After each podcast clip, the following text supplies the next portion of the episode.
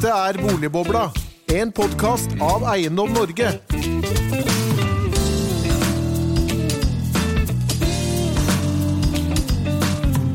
Hjertelig velkommen til en ny episode av Boligbobla. Denne gang om vårflommen i boligmarkedet, ny utleieboligprisstatistikk og nå har vi altså noen ferske tall som Kristian skal avsløre her eh, om litt.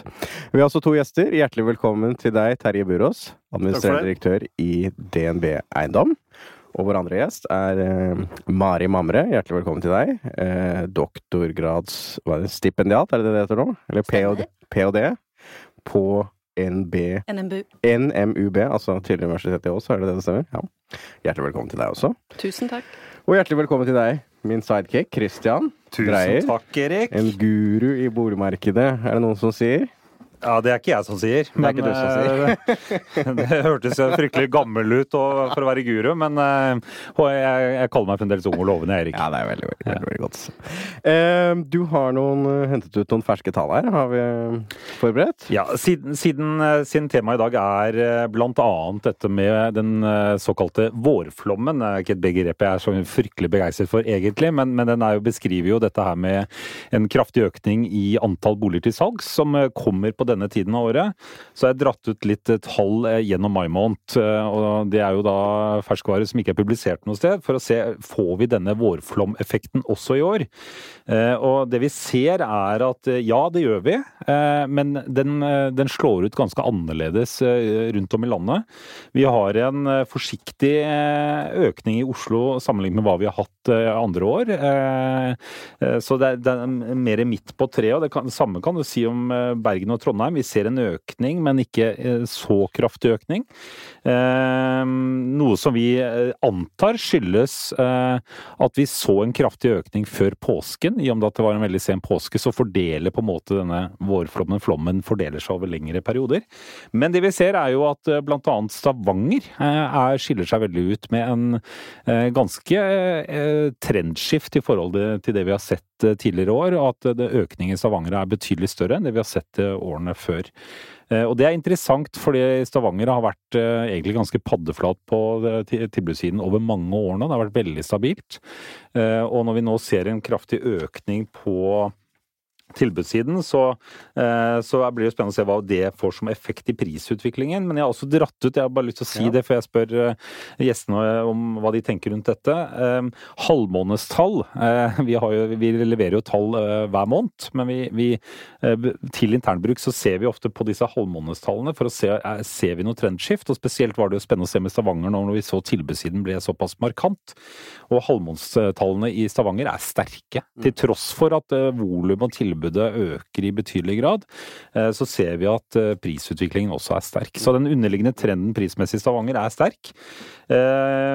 I andre deler av landet, både Oslo, Bergen og Trondheim, er mer flatt til og med trender litt, hvis du sesongkorrigerer dette her litt i retning negativt. Og Oslo Nei, Norge totalt ligger også ganske flatt, sånn som det har gjort ganske lenge. Så det er interessant utvikling. Og så må jeg bare skynde meg å si halvmånedstall. Store forbehold med halvmånedstall. Antall boliger i en sånn statistikk med en halv måned, spesielt Stavanger kontra Oslo f.eks. Det et par uker før du får fasiten. Ja, ikke sant. Men vi må dvele litt, litt med, med, med en ting før vi fortsetter. Hvorfor er det sånn at så veldig mange vil ut i markedet nå på denne tiden av året? Det, er, det, skjer jo hvert år. Ja, det skjer hvert år. Og, og det er nok eh, som alt annet en kombinasjon av flere faktorer. Men en veldig viktig faktor er at man må skille litt på dette med leiligheter og eneboliger.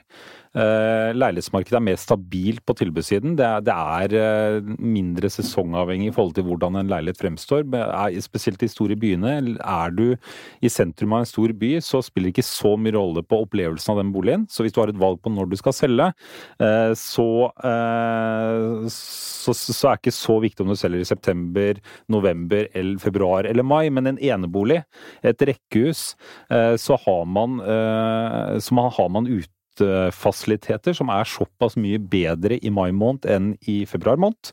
At mange boligselgere velger å legge den ut i mai. Utfordringen med det er jo selvfølgelig at det gjør veldig mange andre òg, så konkurransen blir desto hardere. Så det er jo en, selvfølgelig en hovedforklaring. Men eh, Terje, du har jobbet i meglerbransjen minst like lenge som meg. Jeg er vel på rundt Ja, hvor lenge har jeg jobbet da? Det er, Du er på et kvart århundre. Ja, hvor lenge har du jobbet? på to? Nei, jeg begynte vel i 95, tror jeg. ja, året før meg, det. Ja. Men det sier vi, det er ikke offentlig. Det sier vi ikke noe om. Nei, nei, nei. Så det, det som er fint, dette, Det, blir mellom bare- oss. Ja, det blir mellom oss. Ja. Men hvordan eh, stemmer denne, denne Christian beskriver her med, med din opplevelse fra markedet akkurat nå? Det stemmer veldig godt. Eh, Den vårflommen som vi har snakket om, den har vart i de 25 årene. Mm. Det som jeg syns har vært spesielt i år, eller vinter, er jo at vi har hatt bra omsetning av eneboliger også gjennom hele vinteren. Altså Mange av de, særlig Vestfoldbyene, så sa vi jo tidligere at eh, eneboligmarkedet skrudde vi av i oktober, og så begynte vi å skru det på igjen når det nærmet seg påske. Mm. Det har ikke vært sånn nå. Så det har vært annerledes nå enn det har vært eh, tidligere. Eh, Jeg tror mye av den vårflomårsaken, det er litt kultur. Altså vi, det har vært en sånn saying at ja, eneboligen venter med til våren. Mens vi har jo sett i mange år at de som har solgt eneboliger, kanskje i hvert fall første kvartal, har gjort det veldig bra prismessig. Så det er noen uh, gamle sannheter som uh, er på tide å knuse her. Eh, Vi kjenner igjen Stavanger. Det vi ser i Stavanger nå, at det er mye bra boliger som kommer i markedet. Altså Det har ligget veldig mange boliger ute lenge, og de blir litt slitt. Så nå har det kommet nye boliger, og de, de trekker nok prisen opp, at det får litt mer ferskvare. Hvorfor tror du det kommer så mye nå? Eh, Det har ligget stabilt i egentlig ganske høye nivåer sånn tradisjonelt, men nå bare tar det seg et, en etasje opp. Jeg tror det har litt med selvtilliten i markedet å gjøre. Arbeidsmarkedet er tilbake igjen. Eh, Vi ser at hobbyinvestorene begynner å kjøpe leiligheter for å leie ut igjen. Eh, Så det er flere faktorer, men jeg tror altså folk har fått litt selvtillit i markedet. Man tør å gjøre mer. Man er ikke usikker på om dette skal gå ned, eller hvordan det havner. Så eh, vi ser at det er kjøpere. Det er kjøpekraft til stede. Og det er en positiv eh, holdning i hele byen. Så jeg tror det er en sammenheng med at man ser litt lyst i tunnelen. Mm. Det er jo ganske interessant å se uh, den styrken, selv om vi prismessig er ganske det er, det er jo ganske flatt, men den styrken som er i markedet. Vi, vi, vi har nå hatt to renteøkninger i løpet av det, det siste trekvart året, og all sannsynlighet så får vi en renteøkning til nå om noen få uker. Eh, det er ganske eh, bunnsolid det markedet til tross for disse økningene, Mari? Jeg tror kombinasjonen av økte renter, økt bygging og svekket befolkningsvekst, pluss de høye prisene vi ser nå, preger utviklingen. Eh, Men som du sier, at underliggende etterspørselen er veldig sterk. Så vi har veldig kraftige motpoler på hver side. Eh, Vi har den de her dempende effektene som er veldig sterke. Og så har vi også eh, mange som kjøper og mange som selger. Eh, Og jeg tror også markedet har vært ekstra sterkt litt på grunn av den perioden vi var inne i med veldig sterke svingninger i 2016-2017. Og folk slappet nok litt mer av når det verste trykket ga seg, og de store svingningene og usikkerheten rundt eh, innstramminger eh, og boliglånsforskrift og, og trusselen om rask renteoppgang eh, roet seg litt ned. eh, Og man innså at det store krakket uteble. At en, en del av kjøperne som sto og ventet da, kom på banen. Så det er en beautiful soft landing, som IMF-sjefen Jacques, som var gjest der siste, siste episode, sa. Det tror jeg er et godt uttrykk. Forhåpentligvis vil det fortsatt være det framover. Hva tenker du er eh, årsaken til at vi er så sesongorientert som eh, forbrukere i boligmarkedet, når du ser denne kraftige økningen i tilbudssiden som vi ofte har på den tiden her året? Jeg tror det er eh, mye som tyder på at boligbyggingen så langt heller virker dempende på boligprisene enn at det fører til fall. Mm. Og som vi snakket om litt tidligere, boligtilbudet på kort sikt spiller ikke veldig stor rolle for eh, balansen i markedet. Og det henger ofte sammen med at eh, etterspørselskraften er så sterk. Så den vil svinge opp og ned rundt eh, en gitt endring i boligtilbudet. Men eh, på lang sikt så, så ser vi at da, da betyr boligtilbudet alt. Eh, store studier som er fullført nå nylig fra USA, så ser vi enorme kontraster fra kystregionene, hvor det tidligere var slik at eh, når man fikk høy økonomisk vekst i de områdene, så ble det matchet ved høy boligbygging. Altså, det er jo respons på Ja. tilbudssiden, egentlig. Ja. Mm. Så skjedde det en del endringer politisk rundt 90-tallet, og man regulerte land eh, mye sterkere i de områdene. Eh, Og områder som San Francisco er kanskje kremeksempelet, hvor man da nesten ikke kunne bygge på tross av en veldig sterk vekst. Eh, Og fasiten i dag, når man sammenligner de områdene hvor man ikke har bygget, men har hatt høy vekst Google skal kjøpe boliger for var det 500 milliarder. ja. Og der man har bygget og hatt høy vekst, priskontrastene er, er enorme. Så, så på lang sikt så betyr boligbygging og matchen alt. Men sånn som eh, når du ser Norge kontra de andre landene. eh, Urbaniseringen i Norge kommer litt seint i gang. Eh, Vi har hatt en distriktspolitikk. Vi har brukt eh, eie Altså det å eie bolig i Norge har vært, stått veldig sterkt. Og man har jo hatt eh, sterke instrumenter for å få det til, ikke minst skattemotivasjon. Og vi har til og med lagt på en flytteskatt i form av dokumentavgift for å sørge for at man flytter minst mulig. Og så, så eh, ser vi at det trykket kommer jo. Eh, Er vi, tror du det kommer til å forsterke seg nå? Vi ser byene får en sterkere og sterkere posisjon. Jeg tror ikke vi er i nærheten av å sette en sånn sterk tilbudsboom uh, av nyboliger, uh, som har drevet opp av høye boligpriser, og, og som de opplevde i land som Irland og, og Spania og USA, for eksempel. Uh, men jeg tror Nå var kanskje ikke helt akkurat det du spurte om, men jeg tror Det var et godt svar. Ja, og, så tror jeg, og dette med befolkningsvekst. Ja. Jeg tror vi har kanskje, ja, vi har kanskje tre faser som er sterke også her hjemme. Boliger til alle, eh, kredittfrislipp etter 60-tallet. Eh, det bygget mange boliger per ny befolkning. Og så var det en mellomfase hvor eh, eierratene hadde tatt seg veldig opp. Og man regulerte dette her og fant ut at frislippet var også skummelt. høy prisvekst og, og usikkerhet osv. Mange nye reguleringer. Litt sånn tilfeldig, vil jeg si. Så kom frislippet østover eh, i 2004, og den store innvandringen. Og det er en ganske dramatisk bølge eh, når man ser i et ja. eh, Mm, lang I Norge. Mm. Ser, ja, ser et langt perspektiv. Og det har ikke blitt matchet én for én inn i boligbyggingen. Så det har vært en mismatch der, hvor mm. befolkningsveksten har vært en dårlig indikator, sånn jeg vil si det, i de årene, og nå har på en måte tatt seg tilbake igjen. Og, og det henger jo sammen med at tre av ti innvandrere Uh, nye innvandrere går inn i eiersegmentet, Mm. og mange flere inn i, i leiesegmentet. Så der er det jo også en viktig og interessant dynamikk. Ja, for du, vi snakket jo litt på, på forkant her. Du, du, du mente jo det at den arbeidsinnvandringen kanskje hadde større effekt på kort sikt og i deler av markedet, så vidt jeg kunne oppfatte deg. Altså på utleiemarkedet, og kanskje også påvirket investoratferd? Ja, innvandringen bidrar jo til økt uh, leieetterspørsel Mm. og eie. Mest leie. Og det vil jo igjen generere økt interesse etter å leie ut. eh, Og økt ønske om å å bygge eh, utleieboliger i egen enhet, kjøpe utleiebolig osv. Som også genererer økt boligetterspørsel. Så det er jo veldig mange ting som henger sammen her. Mm. Men eh, det har vært en frikobling mellom fysisk eh, vekst i boligmassen og den befolkningsveksten som har vært i mange år, eh, hvor den eh, innvandringsboomen eh, ikke helt har slått ut i, i boligmassen. Det som alltid har overrasket meg litt da, i den eh, hva skal du si, EØS-utvidelsen eh, i 2004 og og, og Schengen-utvidelsen, var jo det at man ikke hadde forutsett det var ingen som forutså at liksom dette ville føre til at det ville komme en strøm av arbeidsinnvandrere vestover. Altså Det virket som det var ingen som hadde tenkt den tanken i det hele tatt i de vestlige landene omtrent. Og vi snakker når du ser på befolkningskurven, f.eks. for eksempel for Norge, etter 2004-2005, når dette skjedde, så er det jo eksplosivt, ikke sant? Greit nok vi hadde relativt sterk befolkningsvekst i de store byene i årene før der også, men fra 4 til 14, og også oljekrasjen, eh, så så er det historisk uten sidestykke i Norge.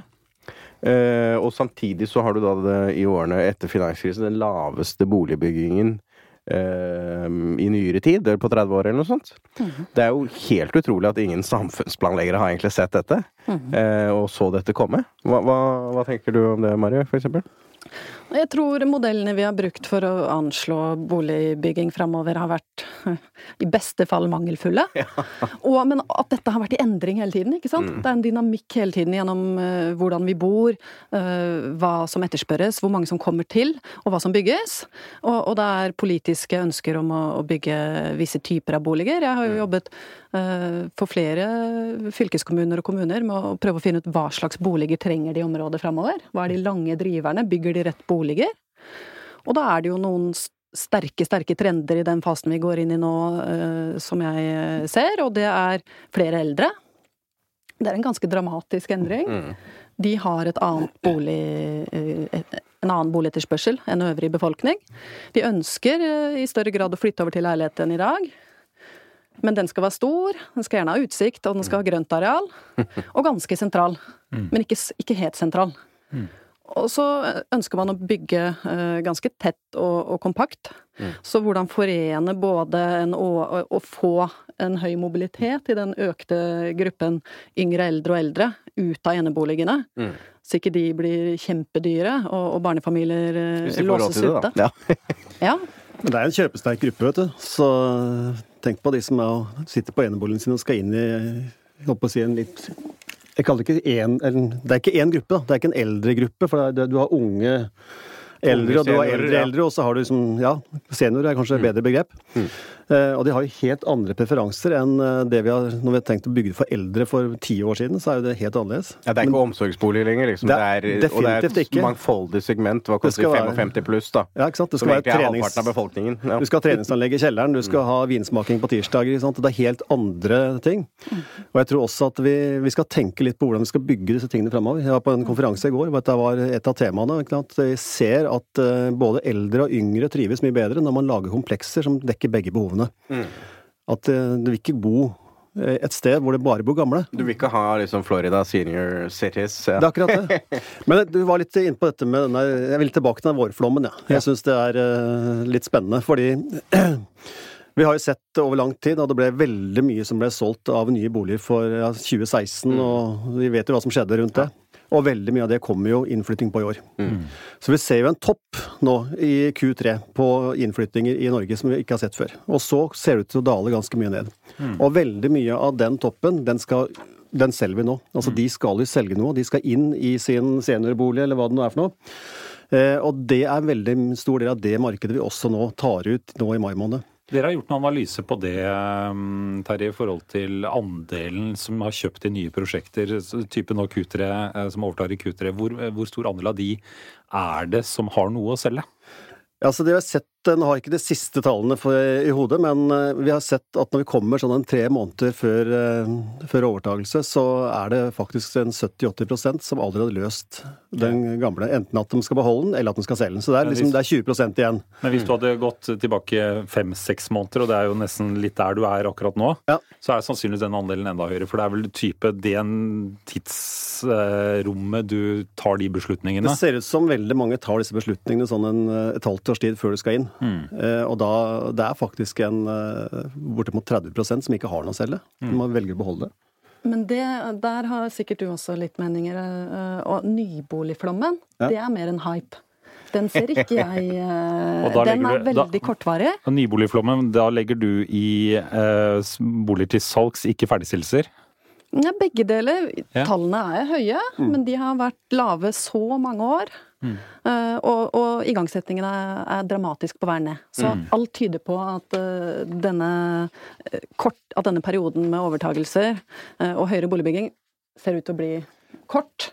Ja, det tror jeg. Eh, Så ser vi også at eh, altså det, totalt sett nå så er det solgt færre nye boliger så langt i år enn det samme perioden i fjor. Men så er det da ganske stor økning bl.a. i Oslo. Og dette er liksom tilfeldig når prosjektene kommer. Ja, det er økning i salget i Oslo. Ja. Så i Oslo så er det solgt Nå har jeg tall per 1. 1. mai. Og da var det vel solgt 850 boliger så langt i, i uh, Oslo. Da, det var 420 samme perioden før. Ikke sant? Så det er altså en dobling fra det som var året før. Men, det- men det er jo positivt, sånn sett, i lys av hvordan. Oslo egentlig har vært. Og- Men så ser du samtidig at uh, kommunen sier at de har jo reguleringskapasitet, de. Uh, så det, jeg tror ikke det er en sånn stor flom som kommer løpende, så det er behov for flere nye boliger. Og jeg har vært bekymret over ganske lang tid over at eh, Oslo kan komme i litt sånn situasjon som vi kjente på før 2016. Ja, og ikke det gjør vi også. At her, her kan det komme en sånn nedtur igjen, hvor vi plutselig sitter vi manko på nye boliger. Og jeg var litt urolig når jeg hører byrådslederen nå sier at han har tenkt å kjøpe opp halve Oslo for å lage et eh, marked nummer tre. Da må han jo regulere noe han kan kjøpe, da. Da får vi Ja, så det er spennende å se. Oslo har jeg ikke vært bekymret for når jeg har fulgt markedet tidligere, men Akershus eh, sjekket jeg også tallene i går, og så det opp mot tidligere tall. Der eh, ser det ut til å være en opphopning. Og Akershus har fått en sånn funksjon som Avlaster mange markedet. områder har fått i nærheten av en storby. Mm. Hvor en del av veksten eh, ikke har klart å komme i Oslo pga. Ja, høye priser og, og ikke nok boliger. Og mye har falt på Akershus, som har vært flinke mange steder til å regulere masse. Mm. Og det er stor konkurranse mellom de ulike kommunene også. Men, men, eh, men samtidig, da, selv om du, eh, du beskrev det som en hype, og det er interessant, fordi at eh, det, det er jo det er i hvert fall helt sikkert at antall solgte nye boliger i 2015 og 2016 lå på et høyt nivå historisk. Eh, Og vi er nå i 2019, og mye av dette ferdigstilles gjennom 2019. Og ble, noe av det ble i 2018. Um, og de nivåene vi ligger på ferdigstillelse når du akkumulerer landet som helhet, ligger jo på godt over 30 000. Og når du samtidig vet at det er en folkevekst på 30 000, eh, så er vi jo på nivåer som er høye, hvis mange av disse skal legge sine bruktboliger ut i markedet. Eh, Så, en, ja, eh, kanskje ikke en hype. Det, er, jo reelt at dette bidrar til ganske store volumer i markedet. Jeg tror Ja, jeg er helt enig. Og, og, og tallene er høye. Og, og ikke i tråd med erfaringen vi har hatt tidligere. Nei. Når vi aggregerer opp litt over år og ser på befolkningsvekst, husholdningsvekst og boligbygging eh, i Norge versus eh, andre land som har hatt sterk byggebum over tid, så uh, syns jeg at tallene kommer mye lavere ut. Og, og når man da ser på igangsettingstallene og det som kommer ut i markedet fremover, så blir jeg enda mindre bekymret. Ja. Og kanskje det vi ser nå, uh, at dette her blir tatt såpass godt inn i markedet, dekker en etterspørsel som har ligget i markedet etter flere år. At man nå kan kjøpe seg større plass, nå kan uh, ta en overgang fra en mindre til en større bolig i flere tilfeller. Eh, og, og at dette her blir veldig kortvarig, synes jeg i hvert fall det er få som reflekterer over. Kanskje det blir en beautiful soft landing her òg? Ja, det er vakkert. Det er vakkert. Det er fantastisk vakkert. Men, men det, det som også er jo en eh, det- som også er en utfordring i dette, er at dette er tall vi ofte ikke vet nok om i forkant ved disse ferdigstillelsestallene. Mm. Og vi vet heller ikke nok om eh, statistisk eh, om hvem er disse kjøperne. Eh, Skal de selge? Eh, Hvor skal de selge? Den type data er jo mangelfull data i analyse av boligmarkedet i Norge. ikke? Når, hvor, hvem? Ja. Der har vi litt, eh, litt tall fra egne rekker. Eh, For det, det vi nå ser, er jo at det er flere nå som kunne tenke seg å, eh, å kjøpe en utleiebolig. De hobbyinvestorene, som jeg kaller det, de var jo helt ute av markedet. Altså Det var jo sånn at du skvatt hvis noen kom inn på en visning og sa at de kunne tenke meg å kjøpe den for å leie ut. Ja. De begynner å komme tilbake igjen. Så ser vi også at den eh, innstrammingen vi fikk nå i eierseksjonsloven, eh, Og man hyblifisering. Mm. ja, og dette med at det skal være den reelle rettighetshaveren. At du kan ikke etablere x antall AS-er og kjøpe opp en masse leiligheter. Gjør at du får en litt annen dynamikk i markedet. Man Ja. sprer seg mer på flere prosjekter, eller ønsker å kjøpe hele bygg. Okay. Så at det er investeringskapital for nå å investere i utleieboliger. Eh, Både som privatpersoner, mm. men også i det proffmarkedet på en litt Ja, annen vi ser jo måte. Sølvåg i dag i avisen. Helt riktig. riktig. Så her er det ganske spennende dreininger som kommer til å Oslo skje. kommune. Oslo kommune var jo veldig tydelig da. De har jo allerede 11 000, så, og den skal jo byttes ut også. Så det er, det er nok mange nå som, eh, som ser på boligmarkedet igjen som et litt mer investormarked enn det det var for eh, en kort tid tilbake. Men eh, vi må jo også litt eh, inn på ditt eh, ph.d. og doktorgradsprosjekt, eh, Mari, som er jo i og for seg litt relatert til det. For det jeg har oppfattet du driver med, det er jo en slags form for prediksjon. Altså i det vitenskapelige eh, forståelsen av det begrepet, ikke den folkelige forståelsen. Kan, kan du fortelle litt om hva, hva du egentlig holder på med? Ja, og, og det er veldig spennende. Nå er det jo sånn at øh, Så det jeg holder på med nå om dagen, det, nå er det jo utrolig mye data. Altså den overgangen til sånn data datadreven øh, analyse er veldig spennende, og, og i økonomifeltet er det litt, fortsatt i tidlig fase. Eh, Og boligmarkedet er øh, utrolig øh, godt eksempel på et sted hvor det er mange muligheter. Så, så, og det er satellittfoto, det er eh, prospekter, det er bildeanalyser, som gir en helt annen mulighet enn tidligere til å vurdere kvalitetsendringer innad i enkeltboliger, eh, i hele områder. Eh, Ganske sånn i reell tid. Eh, Og utnytte mye mer av informasjonen som finnes der ute. Både i forhold til eh, det, og også da eh, prognoser på hvor markedet er på vei. Nå har vi samlet inn tusener på tusener av prospekter, og kjørt omfattende tekstanalyser, og, og laget gode indikatorer på kvalitetsforskjeller på boliger. Og spesielt eh, nå i første omgang da de som er nyoppusset, og de som er jeg kaller for lemmens, da. Så det kommer ikke fram eh, andre steder enn eh, når man graver seg litt ned i salgsopp salgsoppgavene. Men dette er tydelige oppussingsobjekter. Så med den informasjonen kan vi klare å dekomponere litt mer den prisveksten som har vært. På enkeltobjekter, da. Og kategorier av boliger, er det sånn å forstå? Ja, også hele markedet. Og hele markedet. Mhm. Hvor mye av prisveksten i 20, eh, kanskje 2016 er et dårlig år, for da var det en, eh, ja, mange andre drivere, men eh, hvor mye av prisveksten i 2017, eh, 2015, 2014 var kvalitetsvekst, oppussing. Hvor mye av de svingningene vi ser er drevet av, av oppussings- og, og kvalitetshevinger, og hvor mye er ren prisvekst i markedet. Men gitt, gitt størrelsen da på det såkalte rotmarkedet, altså hjemmeoppussingsmarkedet, så er jo dette her, her midt i puddingen, egentlig. Fordi at du, det du egentlig sier, er at du skal identifisere hva som er prisøkningene i boligmarkedet. Ja. Ja. Mhm. Forstår jeg det riktig? Hva er ren prisvekst, Ja. og hva er eh, kvalitetsendringer? Mm. Og dette her er jo helt annen slagkraft for automatiserte verdsettinger, Ja. ikke sant? Og samle inn dette, denne informasjonen raskt. Og, og takstmenn i funksjonen i dag er jo på vei ut. Ja, Skal de hete. mm. så, så det er mange spennende muligheter, og vi er i startgropen av det nå. Mm. Og det er veldig, veldig spennende. Og, og nå skal jeg ned om fire uker og presentere de første funnene i, i San Francisco. Og så eh, satser vi på å publisere rett etter det. Dette er jo veldig veldig spennende. Vi eh, har jo eh, Erling Røe Larsen, som tidligere var kvalitetssjef på, da han jobbet i eiendomsverdi på vår boligprisstatistikk. Han, han har jo ofte skrytt av at vi har verdens beste boligprisstatistikk i Norge. Eh, og det syns jo vi er gøy, at han har løpt rundt og sagt det, i og med at det er vi som utgir den. Men det som vi har diskutert i forhold til det metodiske her, og uten å gå inn for mye detaljer, så er, så er den avansert, den metoden, å ta for seg etasje. Den tar for seg nærhet til offentlig kommunikasjon, marka, sjøen. Eh, den tar for seg egentlig alt mulig av eh, fasiliteter og va- variabler i boligen. Men det som er så utrolig vanskelig, det er kvalitetsheving. Innvendig. Det er, det er standarden til boligen. Hvordan klarer vi å måle det kontra den naboleiligheten som har gått, kontra da den var i markedet tidligere, å få eh, luket vekk det du snakker om her, nemlig kvalitetshevingen innvendig eh, på boligen, eller utvendig hvis det er et hus, og hva er den reelle prisstigningen. Dette er kjempeinteressant. Og, og akkurat dette med styrken i tallene er jo en stor fordel her, når vi har disse nye dataene også. Så har vi også uh, tallene deres uh, og, og til eiendomsverdi, med uh, tall for hver eneste bolig i kort tidshorisont. Repeat sales, tidligere salg. Verdivurderinger. mm. eh, takst. Mm. Og supplerer dette her med alle prospekter og salgsoppgaver. Kan vi følge boliger over tid, eh, og, og mellom regioner.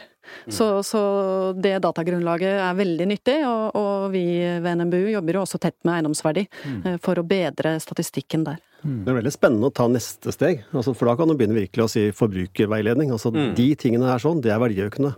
Mens disse tingene, det er bortkasta Det blir ikke bare fingeren, fingeren i været. Og så er det ganske viktig, for vi som har holdt på lenge, Christian, eh, som ga oss eh, på skolen og begynte rett på studiet omtrent det, det vi så for veldig altså tidlig, spesielt kanskje på 90-tallet, eh, inn i 2000-tallet, var jo at oppussingsobjekter, det var de helt store. Ole Nordmann han hadde stor selvtillit på snekkerfaget På egne vegne, ja. på egne vegne, sånn og dura i gang. I dag så kommer det nye generasjoner inn, og de har begge hendene fulle av tommeltotter. Mm. Altså, de kan ikke gjøre noen ting, og vi ser at oppussingsobjektet nå Skandale! Ja, ikke sant? Men Du altså, er en utøvende generasjon her, Erik. det er en helt annen generasjon som kommer inn, og de vil ha ting ferdig. Og det å kunne dokumentere at her har du et eh, utsatt opplysningsobjekt, Altså, dette her kan du leve trygt og godt, og du slipper å kjøpe hammer før om eh, tolv år, eh, kontra å måtte kjøpe den til uka. Det har en verdi som er viktig, og dette her må vi nok bli mye dyktigere på. Det er et trendskifte. De som kjøper oppussingsobjekt nå, gjerne for å endre kanskje til utleieobjekter eller til andre ting. Så Ja, det der er jo Jeg vet ikke hvor mange ganger jeg blir spurt av en journalist at hvilke rom skal du pusse opp før du skal selge. Eh, Og hvor mange ganger jeg har fått det spørsmålet. Jeg jobba som megler fra boligselger, hva skal jeg gjøre i oppgraderinger? Og eh, den, eh, den, det klassiske rådet som jeg opplever alltid er gitt, at ikke gjør noen dyre oppussingsinvesteringer. Men det er kanskje det rådet begynner å gå ut på dato, da. Hvis, det, hvis det, kjøperne der ute. Hvis kjøperne der ute er så fulle av tommeltotter at de ikke ønsker å gjøre noen ting. Kanskje rådet er at jo, du må gjøre noe med dette kjøkkenet her. Kanskje du må ta det badet der. Jeg kan jo bare ha en liten spoiler da, fra de resultatene som kommer. De liker spoilere. Ja. Siden jeg er eh, så heldig å være gjest her hos dere, så, så ser vi fortsatt eh, at eh, oppussingsobjektene er mer attraktive. Betydelig mer attraktive enn eh, ikke Langt oppussingsobjekter. Men eh, i Oslo og Oslo-regionen. Men eh, om den utviklingen var sterkere før, det kan godt være. At eh, veksten er på vei ned.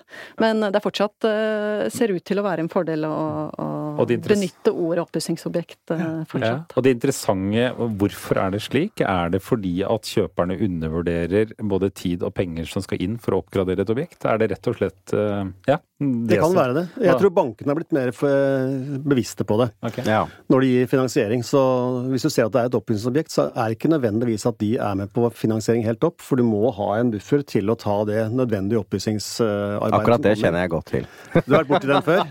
Flere ganger. Og eh, vi ser jo at kjøperne er jo mer og mer kritiske når man ser at dette her er selvgjort. Altså selvgjort er ikke velgjort i alle sammenhenger, Nei. i hvert fall ikke hvis det har noe med vann å gjøre. Sånn at uh, Det er, det er jo strengt tatt ikke lov ellers. Nei.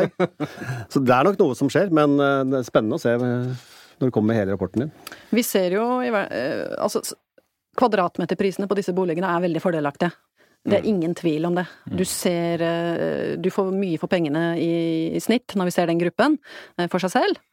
Og det vil jo tiltrekke en gruppe kjøpere som ikke vil ha råd til en tilsvarende bolig som er fin. Ja. Så bare det å kunne komme seg inn i en bolig og ha et ekstra soverom til hvis du trenger det, og ha mulighet til å kunne uh, ordne resten over sikt, er jo en inngangsbillett for mange. Og i et så presset marked som Oslo har vært, uh, så ser vi jo uh, Ja, nå kom det en spoiler til, det var jo ikke meningen, men at den effekten er sterkere.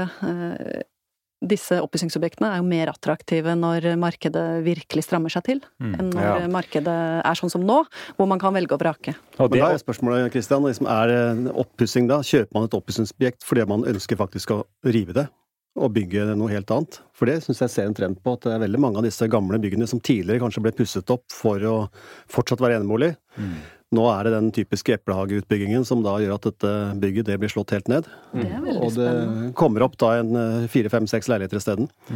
Så det er, eh, det er mye spennende rundt dette her. Vi må snakke mer med, med dere, hører jeg, nå før vi publiserer denne rapporten, og høre hva dere som sitter tett på markedet mener om, om de objektene.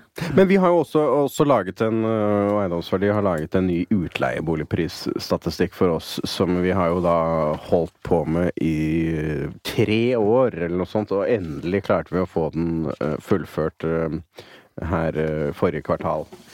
Øh, hva, hva er det den øh, viser, Kristian? den jeg vil først si hvorfor har vi holdt på i tre år? Jo, det er fordi at utleiemarkedet eh, er ganske krevende å få inn data på. Um, eh, Vi har hatt eh, tidligere statistikker på dette, hvor vi har hatt eh, utropsleie på Finn som den ledende indikatoren på leiepris, og det er jo, det er jo i beste fall litt eh, svakt. Eh, Kanskje vi ledende, hvem vet? ja, ikke sant. Så nå har vi da opp, fått oppnådd leie, ikke bare hos våre medlemmer og som utleiemegler, leiebolig og andre, andre medlemmer som eh, gjør dette, men også fått inn data fra Fredensborg, Selvåg boligutleie, USBL og andre aktører. 40 000 datapunkter må vi skryte av. Ja, så, så nå har vi fått til den første kvalitative utleieindeksen i Norge, basert på oppnådd leie i eh, sanntid. Og det er vi veldig stolte av, og det tror vi at kommer til å gi mye spennende analyse til å følge utleiemarkedet. Så må vi jo si det hvis det er noen der ute blant lytterne som, som sitter på et par hundre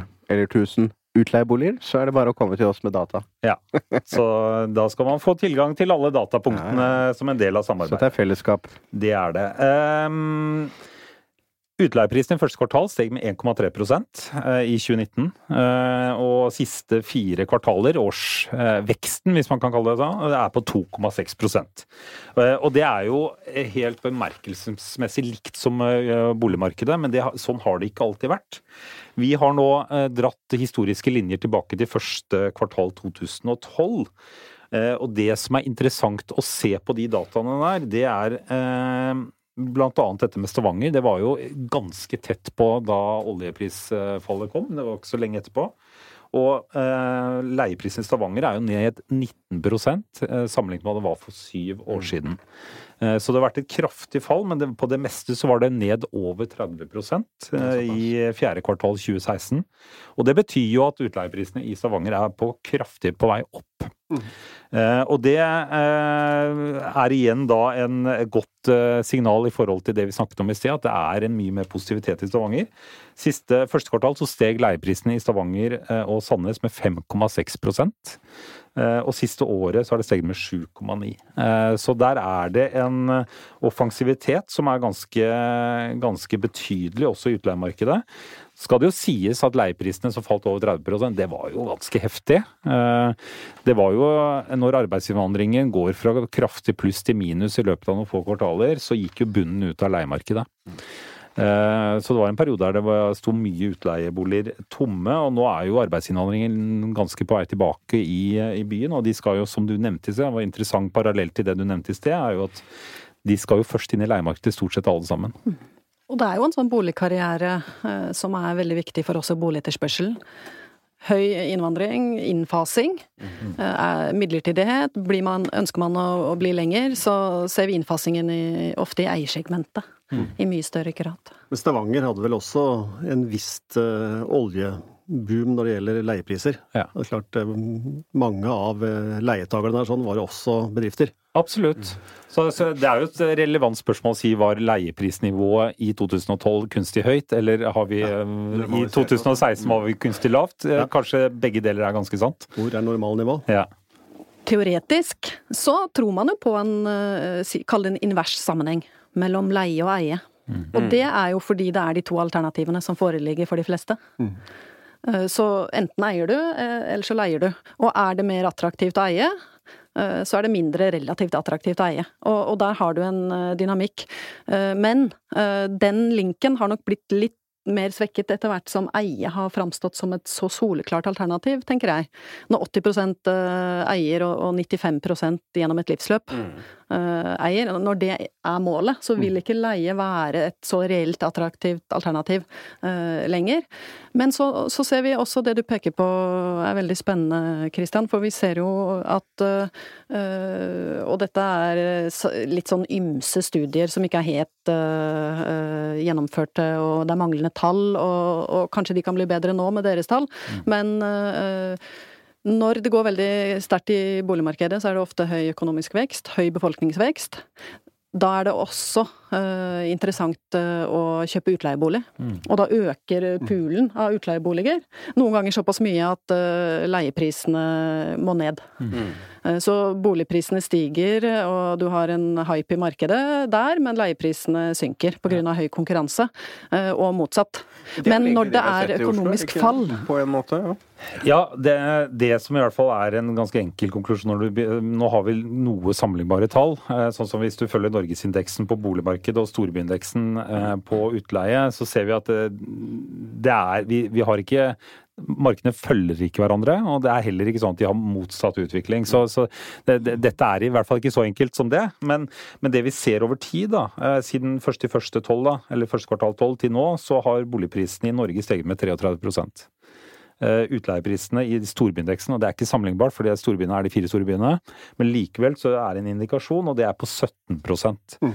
Så mm, prisnivået går høyere. og Hvis du tar den samme øvelsen på Oslo, og det er mer sammenlignbart, i og med at det er samme kommune, så har boligprisene steget 47% i den perioden, mens utleieprisene har steget med 22% og det er jo Jeg syns jo det er egentlig ganske interessant at det har vært såpass over sju år, så har vi en vekst på 22 følger jo egentlig prisutviklingen samfunnet. Det må jo bety at utbydet utbudet av utleieboliger også er ganske godt, da. Jeg tror det, og, og akkurat det at markedet er ulikt i ulike faser også, at det, som, eh, som eh, du nevner, at eh, dette ikke er én til én. For når markedet faller, da ser man ofte lik effekt. S- Som Stavanger. Når eh, befolkningsveksten avtar, folk Ja. rømmer, da eh, synker interessen både for eie og leie.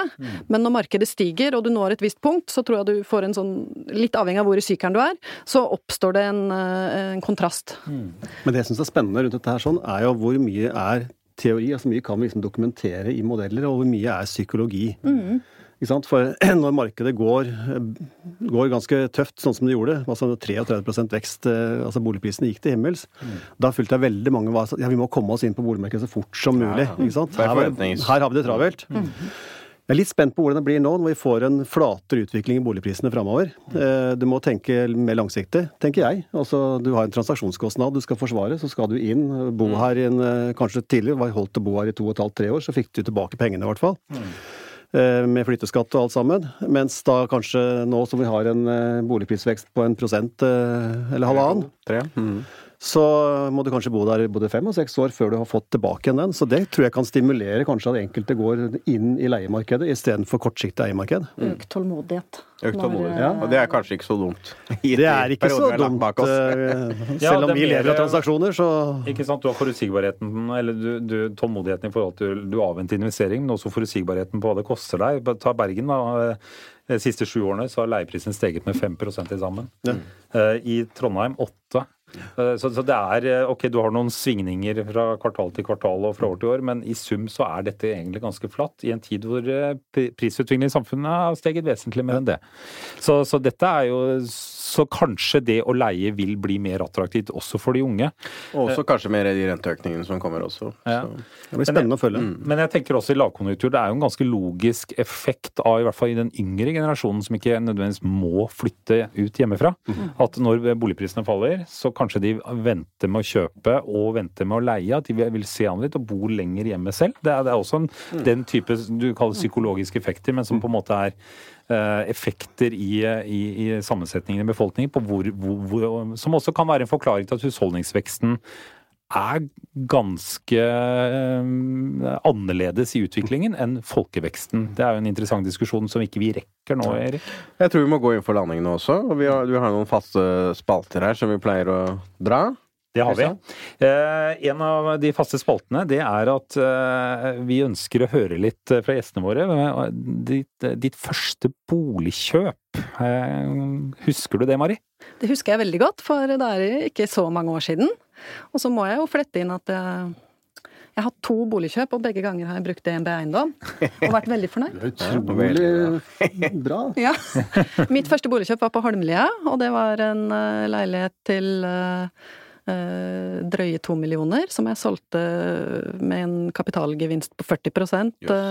14 måneder senere. Oh, la la. Oh, du er sånn boligspekulant, du, Marie. Og den kapitalgevinsten, den, er for, den står seg fortsatt. Så når man sprer det over de årene som har vært, og at markedet har stått ganske stille for bolig nummer to, så blir det betydelig mindre per år, og det er jo akkurat sånn det skal være. Og du da, Terje? Jeg var nok litt mer atypisk, for jeg eh, valgte å bygge selv. Min første bolig bygde vi, og det gjorde vi i hagen til mine foreldre. Ja, og der bor du ennå? Nei, Nei. det ikke det, men vi bodde her en ti-tolv år, vel, før Ja. man uh, hoppet videre. Ja. Så det er vel litt atypisk i forhold til ungdommen i dag, i hvert fall. Det var så, sånn det var i gamle dager. Det. Det var sånn det var i gamle dager, ja. Så fikk vi sagt det. Da det. det var tomt, var billig. Da var tomt billigere.